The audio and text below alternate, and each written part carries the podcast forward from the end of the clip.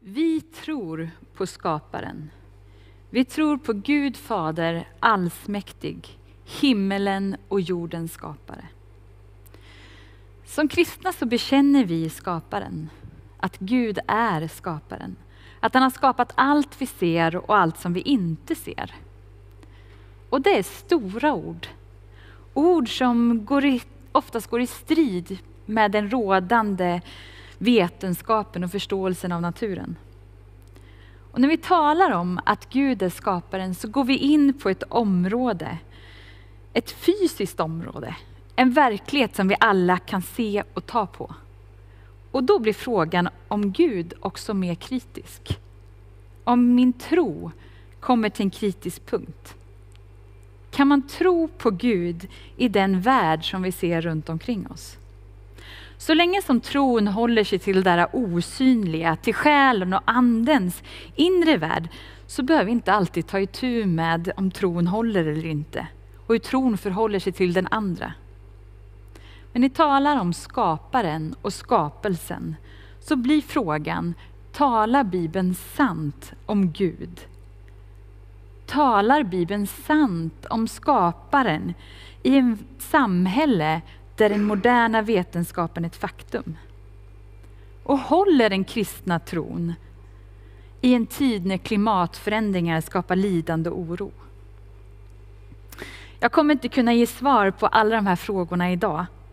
Men kanske kan jag ge några tankar på vägen och väcka en nyfikenhet för att fördjupa sig i bekännelsen kring att Gud är skaparen.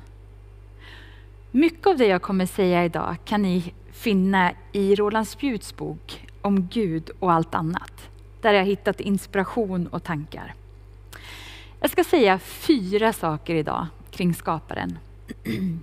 Som jag hoppas väcker just längtan och funderingar och kanske framförallt förundran och hopp hos oss som lyssnar. Det första är att vi får lära känna Gud som skaparen genom skapelsen. Vårt första möte med Gud sker egentligen genom skapelsen, genom mötet med livet. Vi hänförs av skapelsen. För att skaparen kommunicerar sin närvaro genom livet och den skönheten som finns runt omkring oss. Aposteln Paulus skriver i Romarbrevet att allt sedan världen skapelse, allt sedan världens skapelse, förlåt, har Guds osynliga egenskaper, hans eviga makt och gudomlighet kunnat uppfattas i hans verk.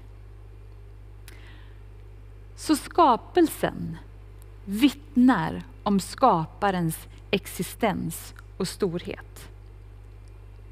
Men så är det att i vår tids samhälle, i ett sekulärt samhälle, så har vår förundran över skapelsen många gånger kvävts.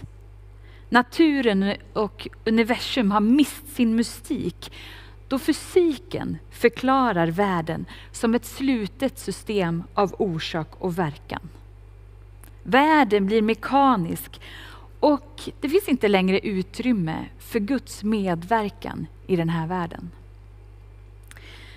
Men det är inte bara den moderna vetenskapen som har lett till att vi har tappat den här förundran och blicken för Guds närvaro i skapelsen. Utan också faktiskt vår egen kyrkotradition väckelsetraditionen och väckelserörelsen.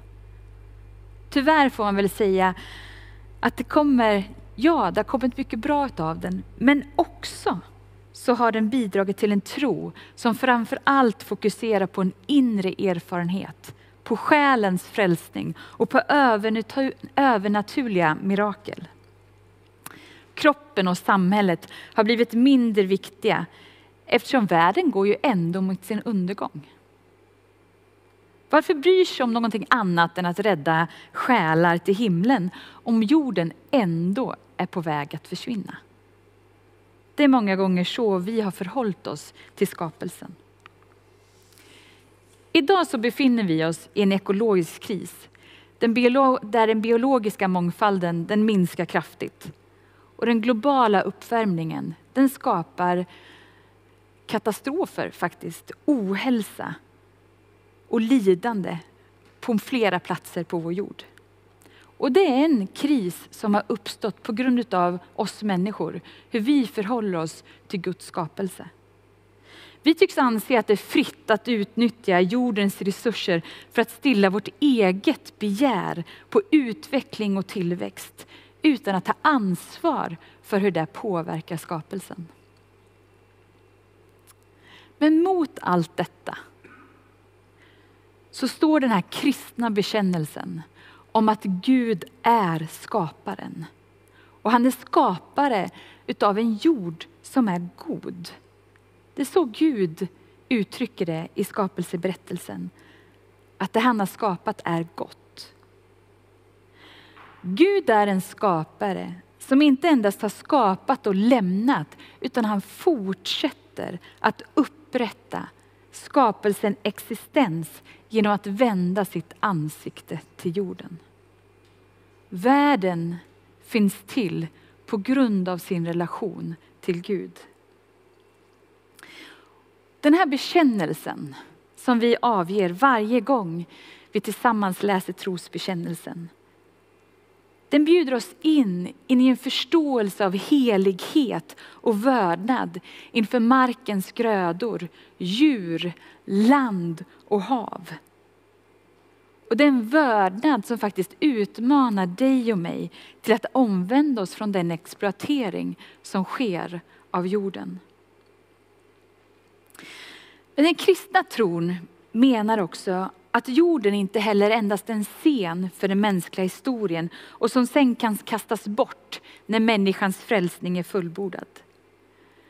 Det står i Romarbrevet att hela skapelsen längtar efter befrielsen och att hela skapelsen ska befrias när Jesu frälsning fullbordas. Så bekännelse och tro på skaparen handlar alltså inte bara om någonting som har hänt, att Gud skapade. Utan också en tro som handlar om nuet och om framtiden. En tro om att Gud står i en fortsatt relation till sin skapelse och för hela skapelsen mot dess förnyelse och dess befrielse. Det andra jag vill säga är att vi som kristna, vi tillber skaparen och inte skapelsen. Den kristna tron är inte där man säger panteistisk. Det vill säga att Gud finns i allt och Gud är allt. Och att det skapade och Gud flyter samman till en enhet. Nej, vi tror, den kristna skapelsetron menar att det skapade bär avtryck av sin skapare, men det är inte skaparen själv. Och för oss kristna så har det här i alla tider varit en fundamental sanning och praktik att inte tillbe det skapade. Därför att det är inte Gud, även om det är tätt sammanflätat och har en nära förbindelse. Och förutsättningen för det här är att vi tror att skaparen och skapelsen, vi står, det står i en nära relation till varandra. Och för att en relation ska uppstå så behövs det två parter. Det behövs ett du och ett jag. Och det är därför ska skaparen och skapelsen kunna ha en relation så måste de också vara åtskilda. Det kan inte vara samma sak. Skaparen är en och skapelsen är den andra. Gud är närvarande i skapelsen utan att skapelsen är Gud. Gud är närvarande i sin skapelse, men han tränger sig inte på. Nej, när Roland Spjut beskriver hur Gud är närvarande i sin skapelse så pratar han om att Guds närvaro är korsmärkt. Vad otroligt vackert egentligen. Gud möter inte sin skapelse och världen med sin strålande härlighet och fullkomliga makt. För då skulle vi förbrännas och gå under. Utan skaparen umgås med sin skapelse och dess, oss skapelser ödmjukt. Och han gör det med en kärlek som inte bara tänker på sig själv utan som ger plats för andra. Så därför kan skaparen snarare liknas som en förälder som just på grund av sin kärlek ger rum för sina barn att växa upp och mogna och bli självständiga och kunna välja sin egen väg. Eftersom Guds närvaro är just ödmjuk och lämnar plats för människans vilja och agerande så blir världen också en öppen och också tvetydig plats. Vi sa innan att skapelsen, i skapelsen kan vi få syn på skaparen. Men det är också så att världen inte bara speglar Guds skönhet. Den speglar också människans möjlighet att välja två olika vägar. Gott eller ont, konstruktivt eller destruktivt. Det är därför att när vi möter världen så är det inte bara ett självklart vittnesbörd om Gud utan också ett resultat av människans fria vilja och hennes val. Det tredje som jag vill säga handlar om skaparen och vår tids vetenskap. Som jag sa i början så är det så att en sak som har avtrollat kan man säga den här världen eller avmystifierat den här världen så att vi inte längre kanske ser och tränar ögat att se Gud i skapelsen. Den är den moderna vetenskapens framväxt. Tron och teologins språk för skaparen och skapelsen har inte längre en relevans när människor kan förklara världen med vetenskapliga termer. Det var som att Gud inte längre behövs för att kunna förklara luckorna i, våran kunskap, i, kunskapen om hur världen fungerar. Jag sa också innan att skaparen är något annorlunda än sin skapelse. De är skilda åt. Vi skulle kunna tolka det som att Gud är en aktör som inte kan agera på samma plan som världen. Och det är sant. Gud är något annat än materia. Något, någon annan än naturlagar som styr orsak verkan. Gud finns bortomför de där faktorerna som vetenskapen studerar och forskar på. Men den kristna skapelsetron svarar på andra frågor än vetenskapen. Frågor om varför det finns en tillvaro och vad som är meningen med den tillvaron. Gud är den yttersta dimensionen som förklarar varför världen har en så märklig ordning och så märklig skönhet. Guds närvaro är inte ett hot mot skapelsens egen aktivitet och egna naturlagar. Utan snarare så är Guds osynliga närvaro grunden och förutsättningen för skapelsens existens. Allt existerar därför att det är delaktigt i Guds liv.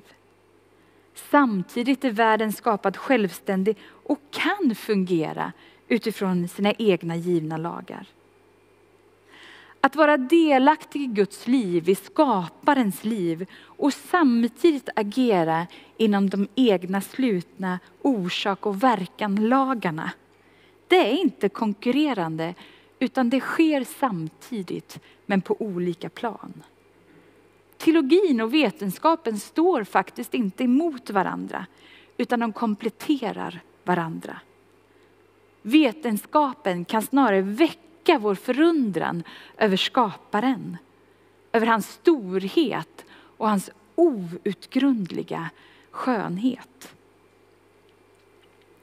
Guds närvaro är det osynliga mysteriumet som uppehåller en värld som följer sina egna lagar. Världen är beroende av Gud. Men Gud själv har låtit världen framträda som en självständig part med ett eget väsen som är helt något annat än Gud, men som kan ha en relation till Gud. Guds närvaro är därmed på många sätt fördold. Liksom en tjänares arbete i det tysta som lätt glöms bort tills den dagen då tjänaren skulle upphöra med sin verksamhet. Det sista som jag vill prata om och nämna är lidande och hopp i en skapelse som både är god och full av ondska.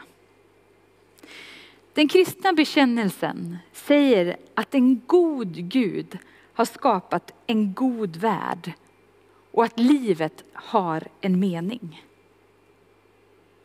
Frågan är hur vi kan hålla oss fast vid en sån bekännelse när vi ser att det finns så mycket ondska och lidande.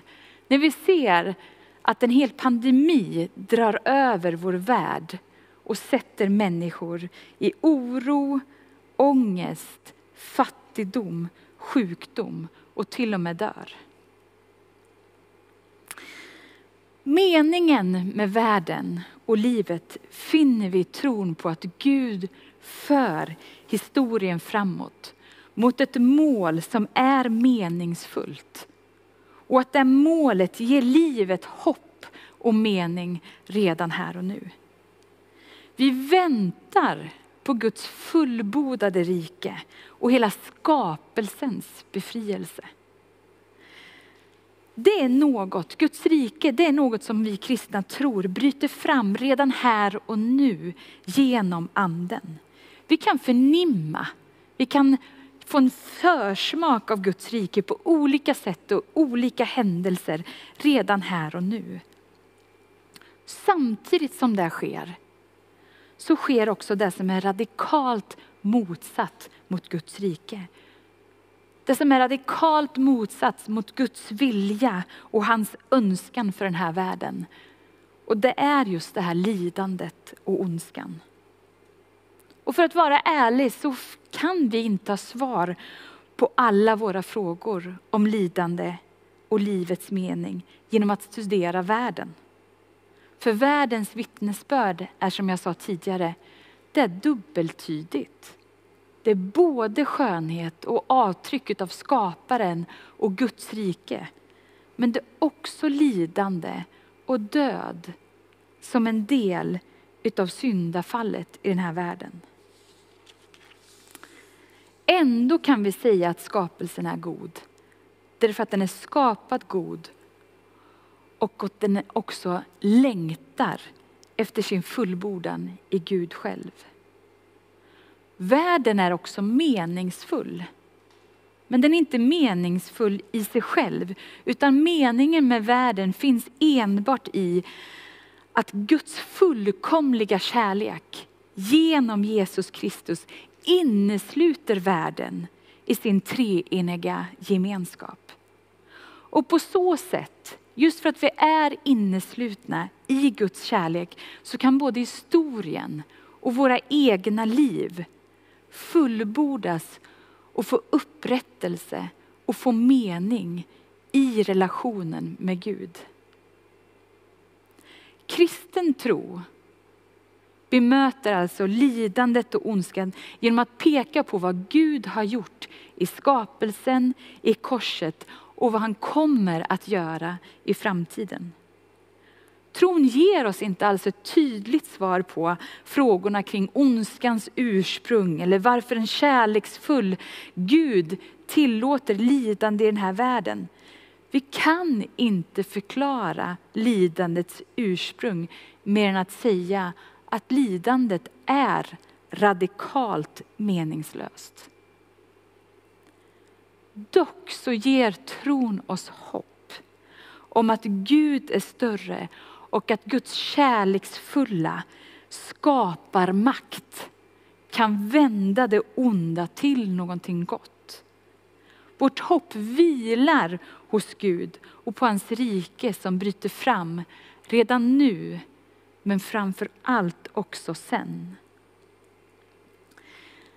Den kristna tron och vår tro på skaparen uppmanar oss till klagan, förbön, protest, kamp mot det onda och det lidande som vi ser. Genom förbön, kärleksfull omsorg, aktivt deltagande i varandras liv och i samhället för rättvisa, hållbarhet så är vi inbjudna som medskapare av Guds rike här och nu till att bringa hopp till den här världen, till den här skapelsen. Om vi skulle ge upp tron på att skaparen inte är närvarande eller att han har övergivit sin värld efter att han skapade och att han inte längre har makt. Då får det förödande konsekvenser. För utan Guds makt så finns det inte hopp för de som lider och de som är döende. Varken för människan eller för vår skapelse och natur. Det kristna hoppet innebär att skaparens allsmäktiga kärlek kommer att segra och att den här kärleken har makt att göra historien och varje människas liv meningsfullt. Därför bekänner vi, vi tror på Gud Fader allsmäktig, himmelen och jordens skapare. Amen. Låt oss be tillsammans.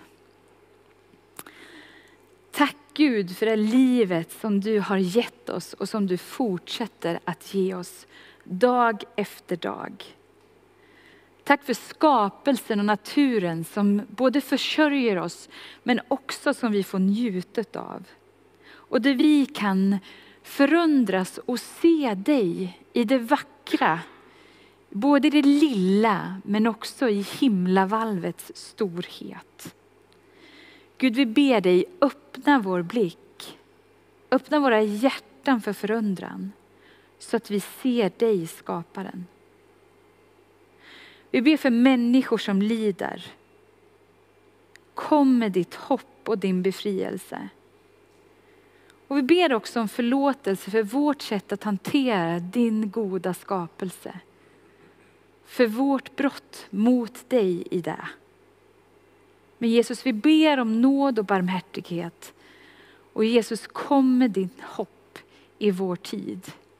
Vi ber om det, Kristus. Amen.